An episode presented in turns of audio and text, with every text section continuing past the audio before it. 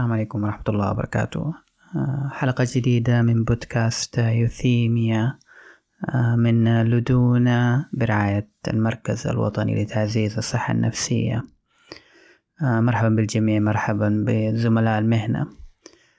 حلقة اليوم حتكون بصراحة حلقة هي الحلقة اللي كانت في خيالاتي قبل ما أبدأ البودكاست.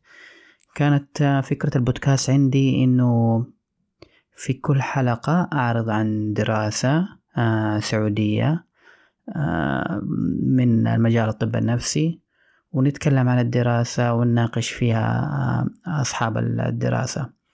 لكن يعني الموضوع زي ما لاحظتوا في الحلقات الأولى الموضوع كبر وتشعب وصرنا نتكلم في مواضيع كثيرة.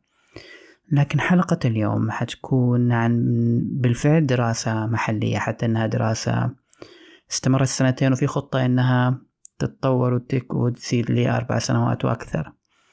الحلقة حتكون عن دراسة آه، تمت عن علاج آه، نفسي آه، نوع من العلاجات النفسية السلوكية وهو مسمى علاج النفسي السلوكي. العابر للتشخيص Trans Diagnostic Cognitive Behavior Therapy. استضفنا اليوم الدكتورة يسرى العتيق وهي مع الدكتور عمر المدافر. كانوا العاملين على هذه الدراسة اللي نشرناها قبل فترة على حساب لدونا. بصراحة الحلقة بالنسبة لي كانت جدا مثرية لأنه تكلمنا عن علاج أنا لم أسمع به سابقا هو علاج تقريبا نسبيا حديث يعني حديث من ناحية الدراسات لكن يعني له عدة سنين الآن في مجالات علم النفس. الدكتورة يسرى هي استشارية علم نفس عيادي بمدينة الملكة عبد العزيز الطبية بالحرس الوطني بالرياض. الدكتورة هي مشرفة على فريق علم النفس الدكتورة هي دكتوراه في علم النفس العيادي من جامعة أوكسفورد وتخصص الجيل الثالث من العلاجات المعرفية السلوكية. الدكتورة أيضا لديها ماجستير صحة نفسية. أطفال ومراهقين من Institute of Psychiatry Psychology and Neuroscience. ما بطول. أسعد كثير إن شاركتم الحلقة زملائكم بالمهنة وبالدوام. أسعد أكثر بنقدكم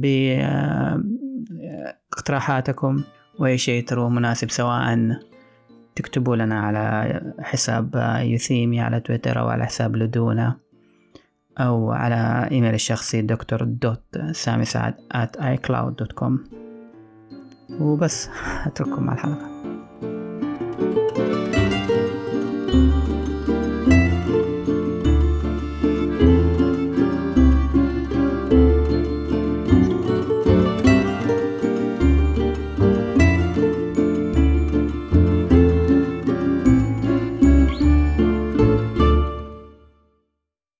دكتورة يسرى عتيق آه، منورتنا في البودكاست ويعطيك ألف عافية على قبولك الدعوة.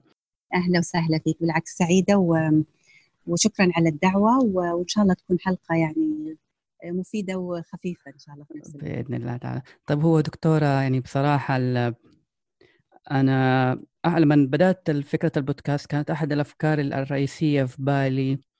إنه آه، في كل بودكاست إنه أستضيف آه، شخصية من مجال قامت بدراسة.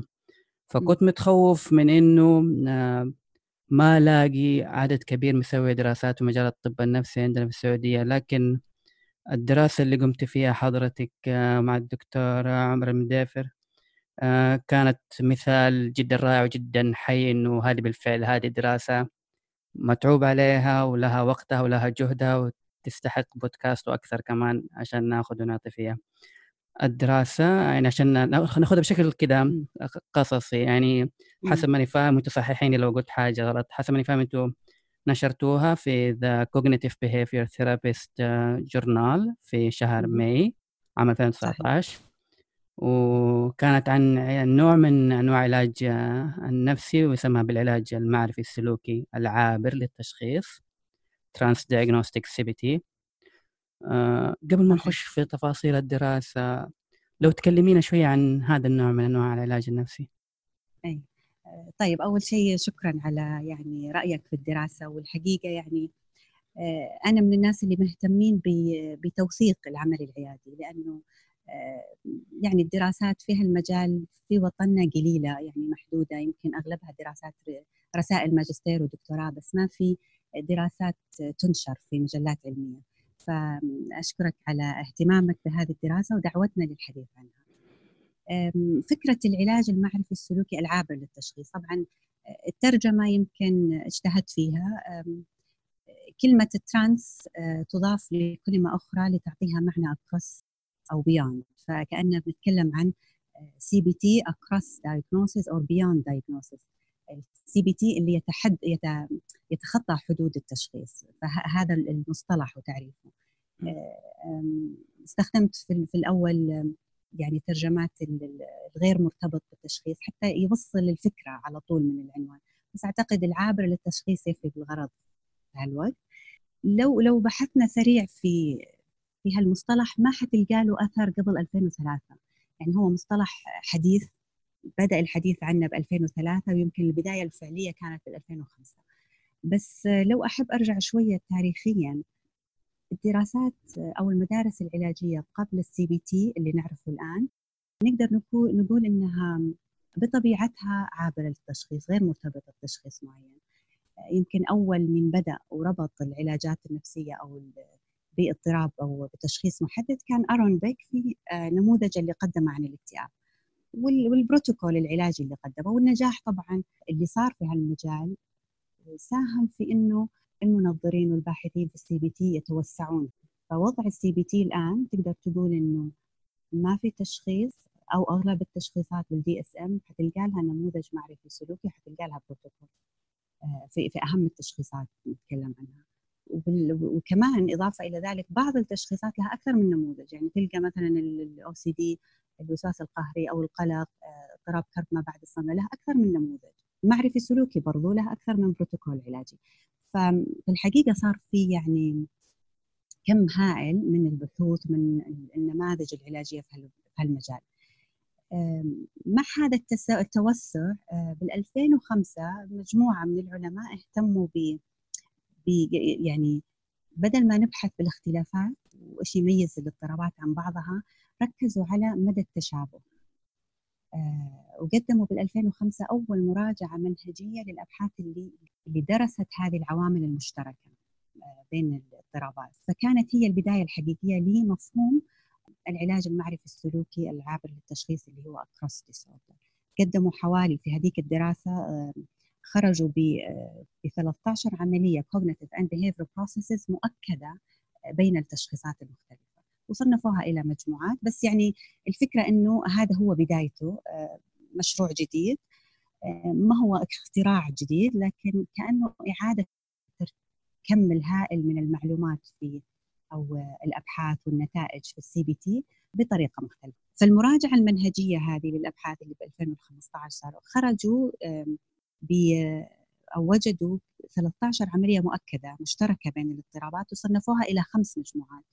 العمليات الخاصة بالانتباه ال attentional processes والعمليات الخاصة بالتذكر ال memory العمليات الخاصة بالمنطق ال reasoning والعمليات الخاصة بال thinking process وال behavior فهذه خمس مجموعات تكاد تكون مشتركة بين كثير بين مجموعة كبيرة من الاضطرابات. فزي ما قلت هو هو ما هو يعني اختراع جديد قد ما هو عملية إعادة تنظيم لهذا الكم الهائل من المعلومات والبيانات في في توجه ال CBT لإعطاء هذا التوجه الجديد. طيب أنا شخصيا بصراحة مع دراسة حضرتك ما كان عندي اطلاع قبلها قبل الدراسة عن هذا النوع من العلاج النفسي. لكن مع الدراسة اللي أنت تطرقت ليها وأنا قاعد أحضر المحاور أفتكرت دراسات عديدة في واحدة منها مراجعة تحليلية قبل حوالي أظن ثلاثة شهور أربع شهور تكلمت على قضية إنه الكوموربيديتيز في في السايكايتري عموما آه، تكاد تكون هي الأصل. الأصل إنه المرضى ما يجيني بتشخيص واحد المرضى المريض يجيني عادة آه، ما هو الأصل يعني بأصل الأصل لكن أصبح شائع إنه المريض يدخل علي بأعراض كذا تشخيص. عشان كده الواحد آه، إنه يحدد طريقة معينة آه، لكل تشخيص قد لا تكون شيء عملي في العلا في العيادات إنه لأنه المريض يجيني ب قد يكون يجينا المريض بوسواس قهري يجي مع depressive symptoms يجي مع anxiety فأقعد أشتغل عليه على كذا بروتوكول ما ما حي... ما حينفع في. في العلاج فهذا العلاج المعرفي السلوكي العابر للتشخيص أحسه أسلوب قد يكون فعال لحل هذه المشكلة. ما أعرف إيش رأيك في الموضوع ده؟ هو بالضبط. يعني آه ال comorbidity هي أحد آه، المشكلات اللي تواجهنا بالعيادة في الوقت اللي إحنا نستخدم فيه ال CBT المرتبط أو اللي يسمونه ال CBT specific اللي هو مرتبط بتشخيص معين. لأنه زي ما ذكرت ما يجي لك وسواس pure آه، يجي معاه شوية قلق يجي معاه شوية low mood في حال استخدمت ال disorder specific فكثير من المعالجين خصوصا يعني المبتدئين في هالطريق يجد صعوبة في إنه يختار طيب أبدأ بإيش؟ آه، أستخدم أي نموذج؟ يمكن مع الخبرة بعدين وقتها يصير لكل معالج القدرة على إنه آه، يصمم حاجة مناسبة لكل مراجع آه، لكن للشريحة الأكبر من المعالجين المبتدئين هذا بالأكيد إنه صعب آه، ف فال transdiagnostic جاء يعني زي ما ذكرت قبل شوي هو ما هو اختراع جديد هو بس إعادة النظر للاضطرابات من زاوية مختلفة. ما جاي يحل محل ال CBT specific هو جاي يعوض بعض جوانب النقص ويسد بعض الفراغات في الموضوع. آه، أول أول أو أهم الجوانب النقص في ال disorder specific اولا عملية التشخيص. أنت علشان تقدر تستخدم نموذج علاجي خاص بتشخيص معين أنت تحتاج تسوي هالتشخيص. تكون قادر على إنك تصل لدرجة من الثقة في انه هذا هو التشخيص المناسب. عملية التشخيص عملية ما هي هينة بتحتاج وقت وتحتاج جهد وتحتاج تدريب خاص. آه، يعني العلماء اللي مختصين أو الأبحاث اللي درست في ال diagnostic assessment تقول إنه على الأقل أحتاج إلى 60 إلى 90 دقيقة حتى أعمل تشخيص على درجة عالية من الثقة. كمان نعرف دراسات في ال CBT تقول إنه المتوسط حضور المراجع للجلسات هو خمس جلسات. النقطة الأهم إنه التحسن كمان آه الأهم حيكون بالجلسات الأولى. فلما تفكر فيها هل أنت تبي تضيع الجلسات المهمة إذا أنا بس عندي فرصة آه، إني أشتغل مع المراجع خمس خمس جلسات هل أبي أضيعها فعلا باني أصل إلى تشخيص يعني دقيق حتى بعدين أقدر أستخدم النموذج المناسب لهذا التشخيص فهذه فيها فيها شوية ضياع للوقت والجهد. أضف إلى ذلك النقطة اللي أنت ذكرتها 50 إلى 80% أحيانا بعض الدراسات وصلت إلى 80% comorbidity على أرض الواقع. والأهم آه، من ذلك إنه فعالية ال CBT عادة مبنية على هذه الدراسات. عينة الدراسة تختلف عن عينة المراجع للعيادة النفسية. أنت لما تيجي تسوي CBT أو تبغى تقيس فعالية ال CBT للوسواس فأنت حتنتقي بعناية الأشخاص اللي يعانون من الوسواس وحت يعني ما حتى ما حتضم لدراستك أي أحد مع أعراض أخرى ولا لا؟ لأنه أنت تبغاها تكون pure وتبغى الدراسة تكون مرة focused وهذا يخلي إنه النتائج ولو إنها فعالة ويعني هي ال evidence base اللي إحنا مستندين عليه إلا أنها ما تشابه عينة الأبحاث ما تشابه عينة المراجعين للعيادة. وهذا يمكن اللي صعبها هنا. وهنا ال transdiagnostic جاي يعوض هالنقاط هذه جاي يضيف الإضافة دي. okay. آه جميل. طيب آه خليني أنا أكون شخص شوية شراني هنا دحين وأطرح سؤال. يعني أنا أتوقع أنا لما أقرأ لكن أنا أتوقع إنه بيوجد أكيد طيف معارض وهذا شيء صحي طبيعي. يوجد طيف معارض لأي نوع من أي أي طرح كان سواء علاجي سواء خارج ما هو شيء علاجي أي طرح اجتماعي وات في طيف معارض لهذا النوع من العلاج وقد الطيف هذا يقول إنه كيف آه، كيف تكون هناك طريقة علاجية شبه موحدة؟ آه، ندخل بها على جميع المرضى. طبعا المرضى مختلفين ولهم اختلافاتهم لهم مشاكلهم لهم ال issues حقتهم. فكيف إنه الطريقة تكاد تكون شبه موحدة ونظن إنها حتنجح مع الأغلبية. هذا ما في ما في له شوية تقليل من من كينونة كل مريض لحاله عن المريض الآخر. صحيح إيه. بالفعل هو النقطة اللي ذكرتها مهمة. أنت طبعا لما تكلمت على الجانب المعارض أنا على طول جاء في بالي إنه المعارضين لل transdiagnostic بشكل عام حاليا بيركزوا على إنه ما زال ال evidence based عليه ضعيفة. وهذا حقيقي لأنه مشروع جديد يعني زي ما قلنا يعني عمره ما يزيد عن ال 15 سنة مقابل الدراسات الأخرى. لكن لو برجع للنقطة اللي أنت ذكرتها إنه كيف أستخدم طريقة علاجية موحدة وأدخل فيها على جميع المرضى أنا أعتقد أكبر خطأ يقع فيه أي معالج سواء سي بي تي أو غير سي بي تي هو إنه آه، يستقبل المراجع حامل بيده الأدوات مسبقا. يعني هو محدد إنه أنا اليوم حسوي transdiagnostic فهو already مستعد ويستقبل المراجع على هذا الأساس. أنا أعتقد إن هذا أكبر خطأ. ليش؟ لأنه زي ما ذكرت لكل مراجع خصوصية حتى لو كان إحنا نعرف إنه آه، اضطرابات القلق والمزاج trans آه، diagnostic مناسب لها أو ال CBT مناسب لها يظل لكل مراجع خصوصية لكل مراجع ما يشبه آه، أي أحد ثاني. ما تدري أصلا إذا هو ال CBT حيناسبه ولا لا. فالفكرة هنا إنه المعالج لابد اولا إنه يستقبل المراجع متحرر من جميع القيود أو حدود المدارس اللي هو يعرفها أو اللي يتعلم عليها. على الأقل بالجلسات الأولى لأنك أنت لسه ما تدري. آه، كل ما يدخل المراجع بفضول آه، داخل ب خلينا نقول بإنسانيته. فقط لا غير ما يحتاج تدخل بأول جلسة إلا معك إنسانيتك أنت شخص آه، جاي تساعد إنسان آخر. هذا كل اللي تحتاجه الآن. بعدها يجي عاد التفكير أي أي مدرسة علاجية أو أي توجه علاجي ممكن يناسبه. وطبعا آه، يعني معروف إنه كل آه، معالج يمكن آه، جاي من مدرسة معينة تدريبه خاص بهذه المدرسة لكن مفروض هذا ما يعني ما يخليه يفرض هذه المدرسة على المراجع. آه لابد إنه يتأكد إنه هالشيء اللي هو يعرفه مناسب آه للمراجع وليس العكس. انت الاصل هو الإنسان صح؟ آه، وكل الأدوات اللي عندك وكل هالمدارس العلاجية هذه هي محاولات الانس يعني محاولات هالعلماء إنهم يساعدون الناس المحتاجة. لكن مو معناها إنه لازم ينطبق عليه. على اعتبار إنه المراجع هذا فعلا ال CBT طلع مناسب للمشكله اللي يعاني منها. يجي السؤال هل ال CBT specific هو أكثر خصوصية من ال transdiagnostic ولا لا؟ وأنا أعتقد إن إن يعني ما هي المسألة في الخصوصية؟ لأنه لأنه يمكن زي ما ذكرت قبل شوي هي هي transdiagnostic هو يبحث في نفس الاضطرابات هذه لكن من زاوية مختلفة. فزي ما ال CBT specific ينظر إلى ما يميز هذا الاضطراب عن غيره ال transdiagnostic برضو ينظر إلى ما يميز هذا الاضطراب لكن هذا التمييز مشترك بيناتهم. فهي يعني في الأخير هم يدرسون ملامح نفس الاضطراب لكن هل هذه الملامح مشتركة أو مميزة للشخص للاضطراب؟ هذا هو الفرق.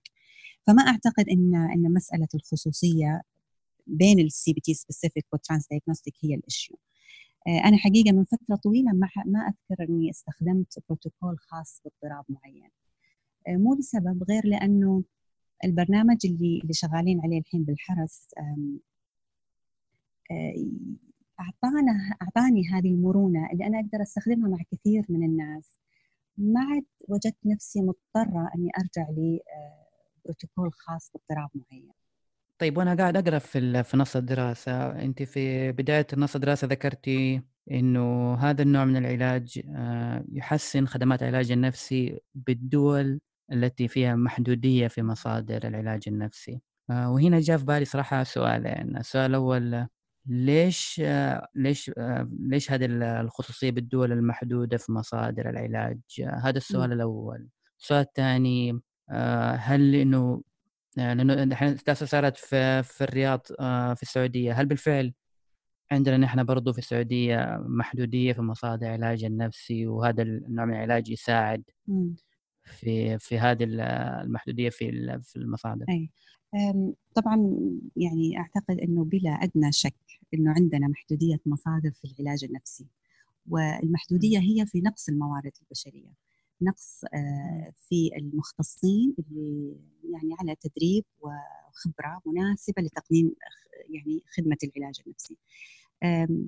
يمكن لو بتكلم بالأرقام ال WHO ريبورت بال 2014 يعني يتكلموا على عدد المختصين بالصحة النفسية في وقارنوا بين الدول.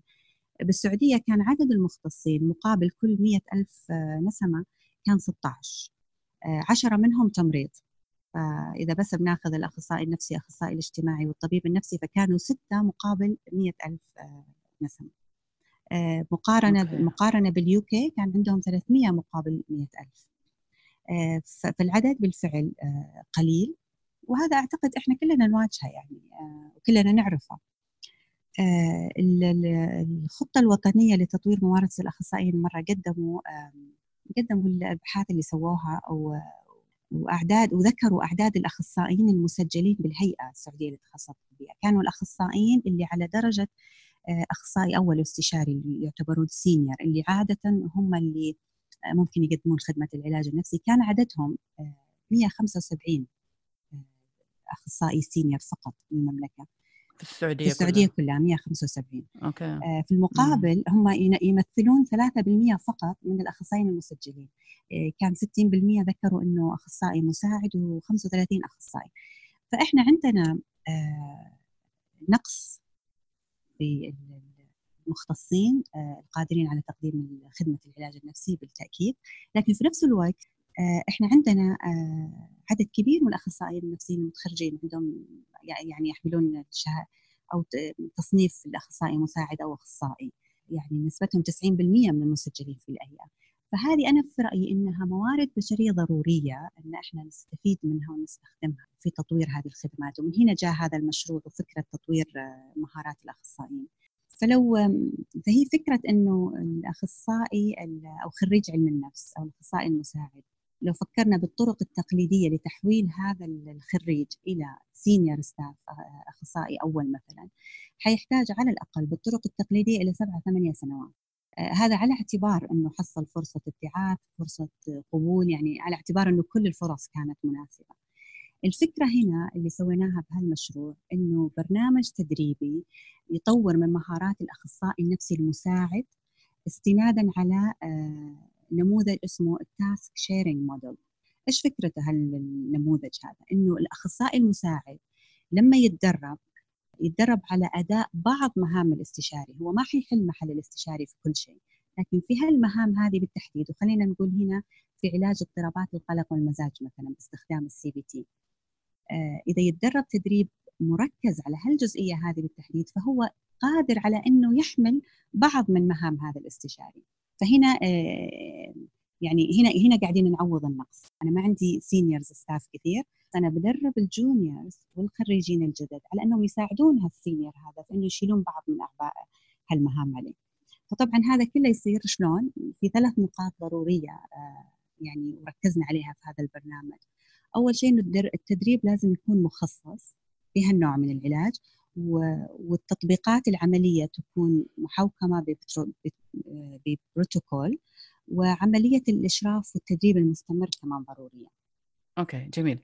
طيب عشان نخش في في تفاصيل الدراسة هي دراسة كانت تحت اسم حضرتك ومعك الدكتور عمر المدافر وبالمناسبة حسب فهمي إنه يعني, يعني مبروك انكم أخذتوا المركز الرابع آه، في آه، جائزة مشروع تحسين فرص تقديم العلاج النفسي من خلال بناء قدرات الأخصائيين النفسيين لخط الرعاية الأولية. وأنا حسب ما فهمت أنها الجائزة مرتبطة بمشروع نفس الدراسة ولا لا؟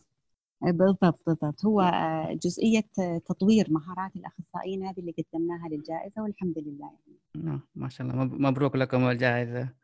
الله يبارك فيك شكرا طيب دكتورة لو تعطينا شوية بشكل كذا مختصر آه، عن حكينا شوية عن الدراسة وكيف طريقتها ونتائجها. آه، هي اولا يمكن ضروري أذكر إنه عادة لما نتكلم عن دراسات منشورة يصير الواحد يجي في باله إنه إنه هالعمل هذا كله كان مصمم لإنه يكون دراسة. آه، إحنا م. العكس إحنا ال other way around إحنا عندنا خدمة جديدة دربنا الأخصائيين لاننا محتاجين إن إحنا ندرب الأخصائيين محتاجين إنهم يقدمون هذه الخدمة وجمعنا البيانات حتى نختبر هذه الخدمة. هل هي فعلا مفيدة نستمر فيها ولا لا؟ فالبحث جاء آه، خطوة ثانية. الأصل هو كان في هذه الخدمة الجديدة اللي already قاعدة شغالين عليها ومستمرين فيها. فهي نوع من ال open trial إحنا سميناها naturalistic style اللي هي زي ما قلت لك ما لها حدود يعني قاعدين ندرس بالضبط وش قاعد يصير على أرض الواقع من دون أي التزامات بحثية. فهذه هذه نقطة مهمة.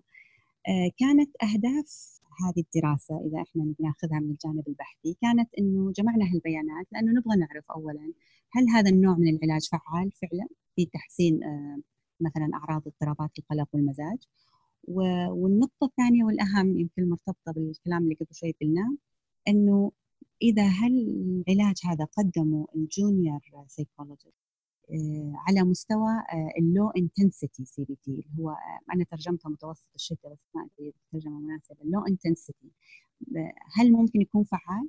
فإحنا قاعدين نختبر بالضبط اللي قبل شوي قاعدين نقوله إنه لو أعطي هل الأخصائي الجونيورز هل الفرصة إنه يحمل بعض من مهام الاستشاري هل بيكون هذا الأداء فعال ولا لا؟ فهذه الأهداف الرئيسية للدراسة اللي نشرت.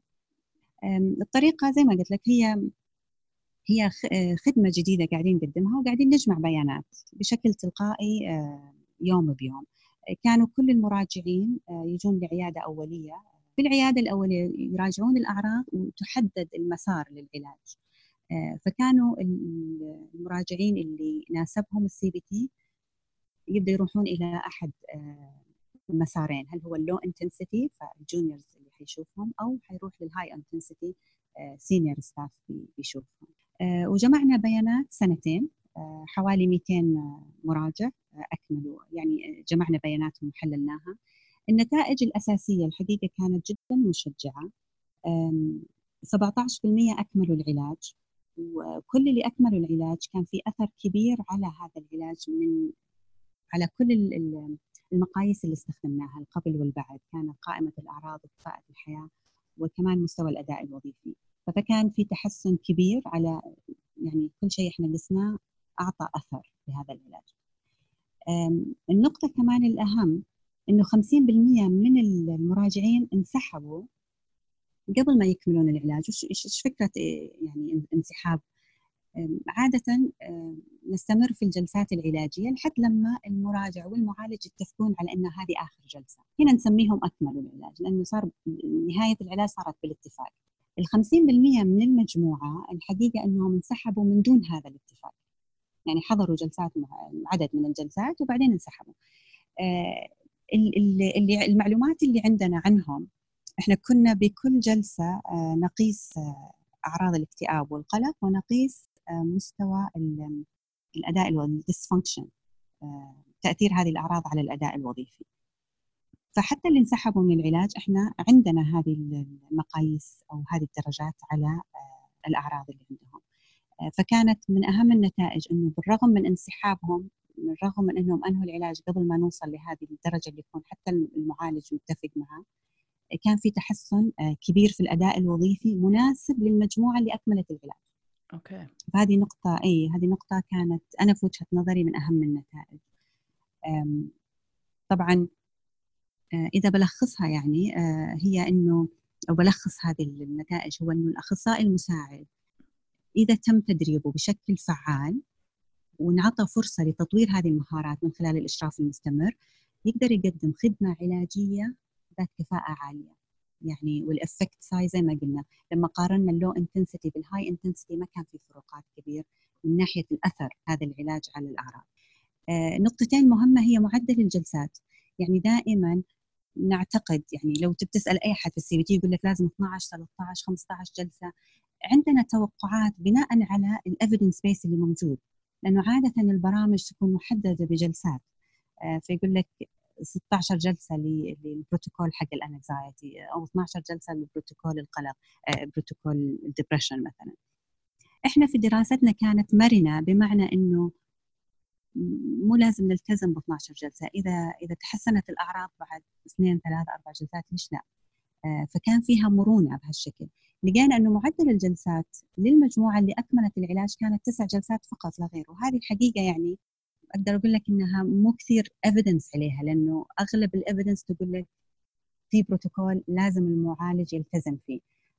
عدم وجود بروتوكول بهالصرامة هذه خلانا نقدر نختبر يا ترى كم عدد الجلسات اللي لازمة أو اللي يحتاجها المراجع حتى يصل إلى درجة الشفاء المطلوبة.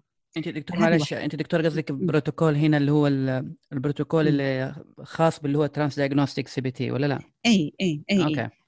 إحنا كنا مرنين بأنه ما حددنا رقم. إحنا ما قلنا لازم يلتزم ب 12 جلسة لازم ياخذها. okay. فكان المراجع المعالج والمراجع يتفقون على متى متى كفاية أو متى يعني شاف في تحسن مناسب خلاص يمكن كمان جلستين وننتهي. هالمرونة زي ما قلت لك سمحت لنا إن إحنا نعرف يعني الرقم هذا تسعة يعني عرفناه بسبب إن إحنا سمحنا لهالمرونة إنها تحصل. اللي اكتفوا واللي انسحبوا من العلاج 50% قبل شوي قلت لك انسحبوا من العلاج أو اكتفوا هم الحقيقة انسحبوا بمعدل بعد ما حصلوا على معدل أربع جلسات فقط. فلاحظ أنت أربع جلسات وبعدين هو قرر ينسحب من العلاج بس في تحسن في مستوى الأداء الوظيفي.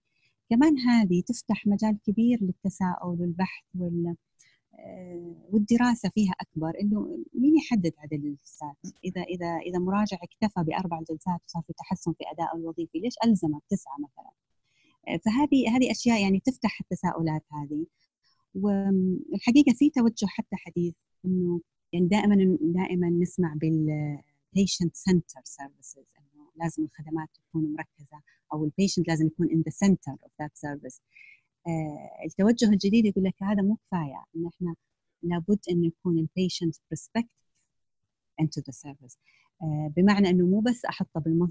بالوسط وأركز على احتياجاته أنا كمان رأيه آه وهو وش وش يبغى وش يحتاج كمان ضروري إنه ينحط ينحط في في هالخطة العلاجية. طيب أنا حسب ما فهمت من نص الدراسة إنه أنتم المحتوى العلاجي اللي استخدمتوه كان آه، في يعني كده حسيت في جانب بالفعل كان في جانب مرونة مبني على كل مريض وإيش احتياجاته وإيش الأمور اللي هذا المريض بالذات آه، يحتاج نركز آه، فيها معاه. وكمان يعني لكن في نفس الوقت كنتوا ماشيين على تقريبا يعني نموذج علاجي إنه أو خطة علاجية إنه تبدأ بالتقييم ثم عملية education بعدين عملية تشتغل على الجانب الذهني بعدين تشتغل على الجانب السلوكي وفي الأخير في تختيم للعلاج وكمان خطة الانتكاسه هل هذا المحتوى يعني هذا المحتوى المرن آه اللي ما هو يعني في خطة لكن في مرونة أيضا على احتياجات المريض هل هذا المحتوى المرن هو جزء يعني موجود في أبجديات العلاج العابر للتشخيص أو إنه هو اجتهاد منكم أنتم في الدراسة؟ هو بالفعل زي ما قلت آه، البرنامج اللي إحنا قدمناه في هذه الدراسة يستند بالأصل بالأساس على آه، مسألة المرونة. المرونة بين إيش؟ بين الالتزام ببروتوكول، الالتزام بمانوال معين، لكن آه، إنك قادر إنك تطوع هذا البروتوكول ليناسب الحالة الفردية للمعالج، كيف؟ بالاستناد على صياغة الحالة وكأنه صياغة الحالة هي الاساس في وضع هذا في يعني التلاعب بهذا البروتوكول إذا يصح يعني نعبر فيه بهالشكل وهذا الحقيقة يعني اجتهاد علمي من جانبي. آه، أغلب رواد آه، المنهج هذا العلاج العابر للتشخيص اللي موجود حاليا أغلب البروتوكولات والدراسات حتلقاها مصممة كبروتوكول محدد بجلسات محددة ولكل جلسة آه، مضمونها. وعادة يقيسون في هالدراسات حتى مدى التزام المعالجين بالبروتوكول بحذافيره زي ما وضع. آه، الحقيقة إحنا كومبليتلي سوينا شيء مختلف. وزي ما قلت لك هذا اجتهاد من يعني اجتهاد يعني ما أبغى أقول شخصي هو علمي مستندد فيه على أشياء يمكن ذكرتها أكثر بالتفصيل في الدراسة. آه، فهذه كانت فكرتي في إنه كيف ممكن نحدث هذا التوازن. لأن أعتقد أنه تقدر. البروتوكول حلو مناسب أنه يكون عندك آه، أنا دائما بسميها زي ال building blocks عندك هذه ال blocks اللي تستخدمها لكن ما هو لازم أنا من الأول تصير راسم خطة البناء هذه. لكن أستفيد منها بالوقت اللي تحتاجه. ف... فإنه نحن نخرج من هذا التطبيق الميكانيكي في العلاج إلى هالمرونة كان هو الأصل آه، اللي نستند عليه في هالتوجه. هو توجه جديد لكن يعني الحمد لله له أصداء حلوة. يعني أنا آه، لما قدمتها بالمجلة هذه ال review كان كانت جدا مشجعة. آه، عرضته كمان في مؤتمر السنة الماضية في كامبريدج كان مؤتمر لل transdiagnostic CBT. وكانت النتائج جدا مشجعة على إنه بالفعل هو يعني إحنا إذا قاعدين نقول إنه أصلا ال transdiagnostic كله نشأ يعوض جوانب النقص فيها البروتوكولات الجامدة شوي آه، فمن باب أولى إني كمان أقدم نموذج يكون يحمل معاه المرونه هذه. يعني أنا بكون ما استفدت شيء إذا سويت transdiagnostic protocol في fixed sessions عرفت؟ وكل جلسة لازم يكون فيها المحتوى يصير أنا يعني آه، رجعنا في نفس الحلقة صحيح آه، فالحمد لله في لها توجهات يعني الأصداء لها المشروع هذا كويسة يعني حتى عالميا أقول لك في المؤتمر هذا آه، قابلت أكثر من أحد مهتم بهالفكرة ويعني حتى ناقشنا فيها آه، كيف ممكن نطورها أكثر. ما شاء الله جميل. طيب دكتورة يمكن أنا لو اللي ما يطلع على أبحاث وما يطلع على دراسات وأقول له نتيجة الدراسة هذه كده كده كده وإنه 55% آه، ما كملوا العلاج. قد ينظر لها آه، بنظرة قد يشوف بعض السلبية إنه كيف 55 ما كملوا العلاج؟ أكيد في شيء سلبي. آه، مع إنه نحن زي ما انت عارفه في المجال عندنا إنه إذا المريض ما جاء كمل العلاج معايا قد تكون هذه قد تكون هذه دلالة إيجابية المريض وصل لمرحلة إنه ما يحتاج يعني في العلاج. وهو وصل لمرحلة إنه هو اقتنع بال بالمستوى التحسن اللي صار وانت زي ما طلع معكم في الدراسة في تحسن في الأداء الوظيفي. فما أعرف أنت إيش رأيك في النقطة هذه؟ إي هو طبعا صحيح. أول أول ما تنظر لأي دراسة وتلقى إنه يسمونهم دائما drop out إن هذول drop out من الدراسة على طول يجي في بالك ليش؟ إنه أكيد إن العلاج ما كان فعال. الحقيقة اللي اللي لأنه إحنا كنا نقيس آه، الأعراض تقريبا الأعراض الاكتئاب والقلق والأداء الوظيفي. بكل جلسة علاجية سمح لنا إن إحنا نعرف هالأعراض هذه قبل ما ينسحب المراجع يعني شوف لو ما كنا عملنا هذه يمكن ما كنا نقدر نتنبأ صحيح. بمستوى يعني هو فعلا انسحب يمكن تدهورت حالته إحنا ما ندري. اللي صار إنه المجموعة المنسحبة آه الأعراض الاكتئاب والقلق ما تحسنت كثير لكن اللي تحسن هو الأداء الوظيفي زي ما ذكرت لك و effect size عالي جدا هو large effect size يعني مشابه للمجموعة اللي أكملت. هذا هذا خلانا على درجة من الثقة. يعني معقولة إنه على الأقل هو ما تدهورت حالته. هو ما هو أسوأ مما بدأ. هو بالعكس في تحسن لكن وصل لتحسن معين وانسحب اكتفى هنا. في كمان ملاحظة أنهم هم هالمجموعة بالرغم من أنها ما هي significant لكن هم المجموعة اللي انسحبت هم to start with هم كانوا آه، الأعراض كانت أعلى. مقارنة بالمجموعة الأخرى اللي أكملت العلاج. فأنت قاعد تتكلم عن مجموعة أصلا آه، الأعراض عندها كانت أشد اكتفت بأربع جلسات تحسن عندها الأداء الوظيفي وانسحبت. كل اللي عندنا فرضيات على هالديناميك اللي صارت لكن الدراسات اللاحقة إن شاء الله حتأكد لنا يعني حنبحث فيها أكثر يمكن. آه، لكن بالفعل ال non-compliance وال resistant نحتاج ننظر لها بطريقة مختلفة مو لأنه المراجع ما أكمل العلاج زي ما أنت قررته معناه لازم يكون هو مقاوم للعلاج. آه زي ما ذكرت قبل شوي إنه التوجه الحديث إنه طلع من من من ال patient center إلى ال patient perspective وصار آه رأي المعا... لا رأي المراجع وال value their own preference ضروري إنه يؤخذ بعين الاعتبار في تصميم البرامج العلاجية والخدمات. أوكي جميل. طيب أنا قبل ما أتكلم عن العلاج وكيف ما جاء في المجال في السعودية وكيف الخطط المستقبلية عندي صراحة شوف فضول في في المتدربين معاكم في اللي شاركوكم في الدراسة آه، اللي هم أخذوا المرضى اللي هم آه، أعراضهم كانت أخف. آه، أول شيء فاكر كم كان عددهم؟ اللي كانوا اللي دربتوهم؟ تقريبا إحنا بدأنا بتدريب ستة من الأخصائيين. الحقيقة إن المشروع أو السيرفس نفسها ما زالت مستمرة وفي اثنين زيادة انضموا للمجموعة. طيب آه، آه، عندي فضول صراحة كمان على التدريب. هو إيش لما تقول انت دربتيهم كيف كيف كان التدريب هذا؟ وهل كان في هل كان في متابعة أو توجيه مستمر خلال السنتين هذه معاهم جلسات معاهم؟ آه أنا والله صراحة شوف الحين قاعد أسألك وأنا بصراحة ماني مطلع كيف الوضع أي. آه التدريب للأخصائيين النفسيين اللي هو التدريب السريري خلينا نقول. صحيح. آه فكيف كان خلال السنتين هذه؟ كيف كان التدريب لهم وكيف كان التوجيه. لهم خلال السنتين هذه؟ أي.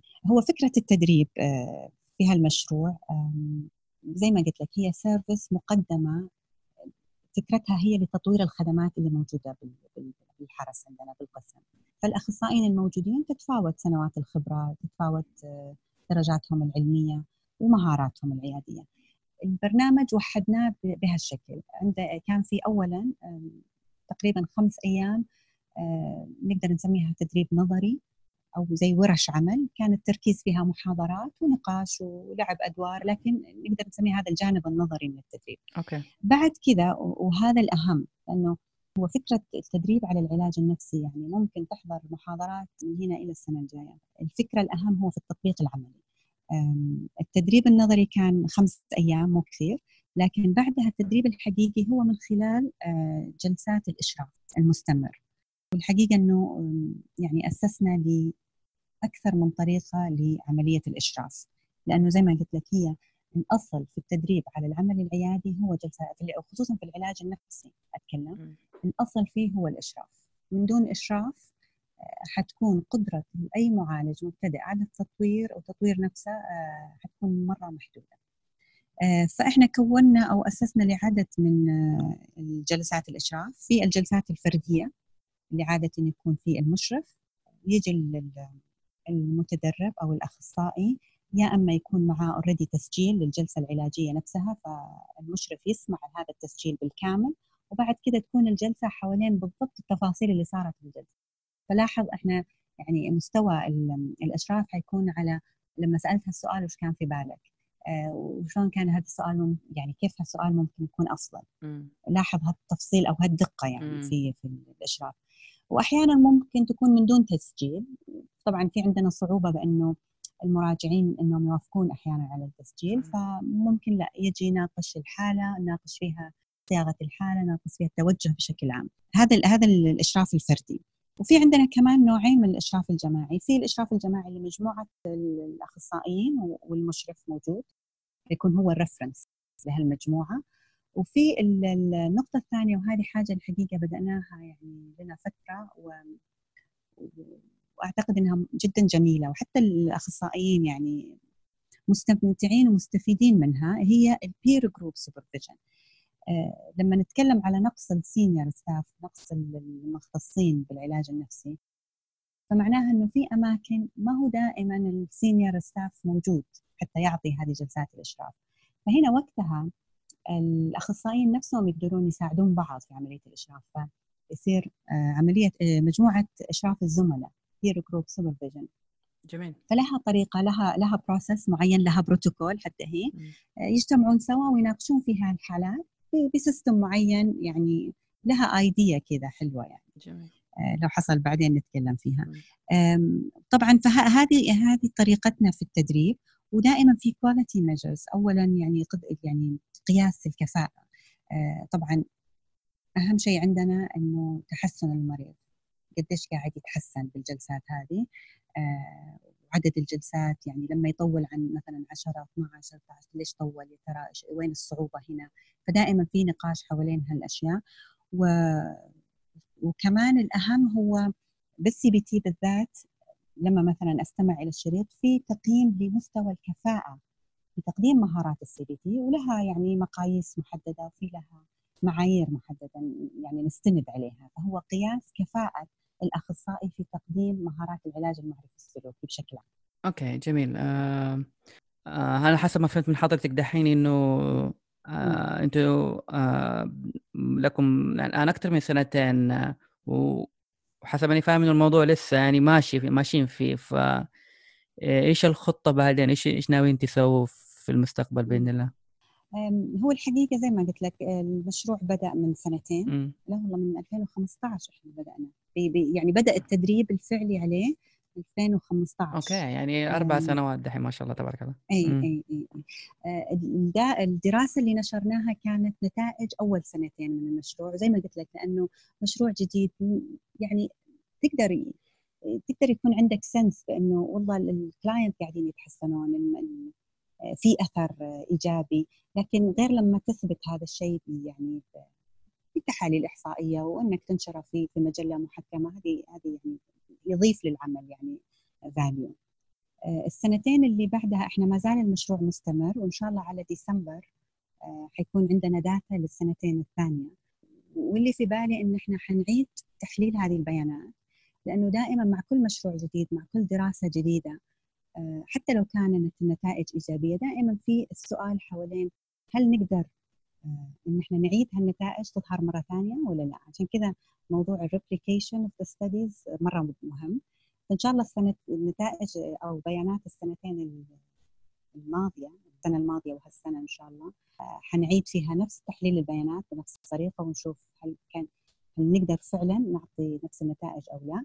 وكمان فكرة إن إحنا نضم بيانات الأربع سنين بإن إحنا نحلل بشكل تفصيلي بعض الأشياء. يعني مثلا من الأشياء اللي تهمني آه، هل في فرق آه، في الأثر العلاج إذا كان المراجع يحضر أو عنده مراجعات لعيادة الطب النفسي وياخذ أدوية أو لا؟ فمثلا هذه الفروقات ممكن تفيد كمان تعطينا تصور أكبر لكن كنا محتاجين عينة أكبر. هذا بما يخص آه، مشروع الأبحاث آه، بما يخص مشروع التدريب مثلا على هذا البرنامج. إن شاء الله يعني في فكرة تقديم دورات تدريبية في هالمشروع لأي أحد مهتم. آه، طبعا نتأمل إنه إنه يكون موجه للأخصائيين اللي على رأس العمل. وبادية فكرة مشروع يمكن فرصة كمان إني أتكلم عنه الحين يعني آه، أسوق له من الآن. جميل. آه، بادية أي بادية في كتاب في تأليف كتاب. ما شاء الله. حيكون باللغة العربية وحيكون للأخصائيين النفسيين. يشمل هذه فكرة المشروع هذه من الجانب النظري ومن الجانب التطبيقي يعني هالبرنامج هذا بالتحديد بالتفصيل لأنه البحث يمكن كاتبين فيه شوية عن تفاصيل البرنامج لكنه دائما بالأبحاث هذه المنشوره بالأوراق العلمية دائما أنت محصور أو بعدد معين من الكلمات فأنا حابة إنه يكون باللغة العربية موجه للأخصائيين تكون أداة يقدرون يقدرون يستفيدون منها آه، في حال حضر الورشة أو ما حضر تكون تساعده يعني في تطوير مهاراتها الله. ما شاء الله جميل. آه ربي يبارك لك في جهدك يا دكتور. يعني صراحة آه الهمة ده لمشروع تغطية آه جانب آه تدريبي وجانب يعني كمان إثرائي للمج... آه للقطاع عموما في جانب من جوانب العلاج النفسي. هذا صراحة شيء آه تشكرين عليه وشيء ربي يكتب لك الأجر آه، حاجة جدا جميلة. الله يسلمك ويبارك فيك. شكرا لك. أنا صراحة أشكر للدراسة إنها تعطنا فرصة إنه نستضيفك وتتكلمي معنا في البودكاست هنا وتعملي إضافة وإن شاء الله نسمع أخبار أكثر آه، أجمل في, في برنامجكم في الحرس. وإن شاء الله كمان يتطور للمستشفيات الثانية إن شاء الله مع الكتاب ومع التدريب آه، بإذن الله يتطور لأماكن ثانية بإذن الله تعالى. الشكر لك دكتور على الاستضافة وعلى اهتمامك بهالموضوع وعلى البحث.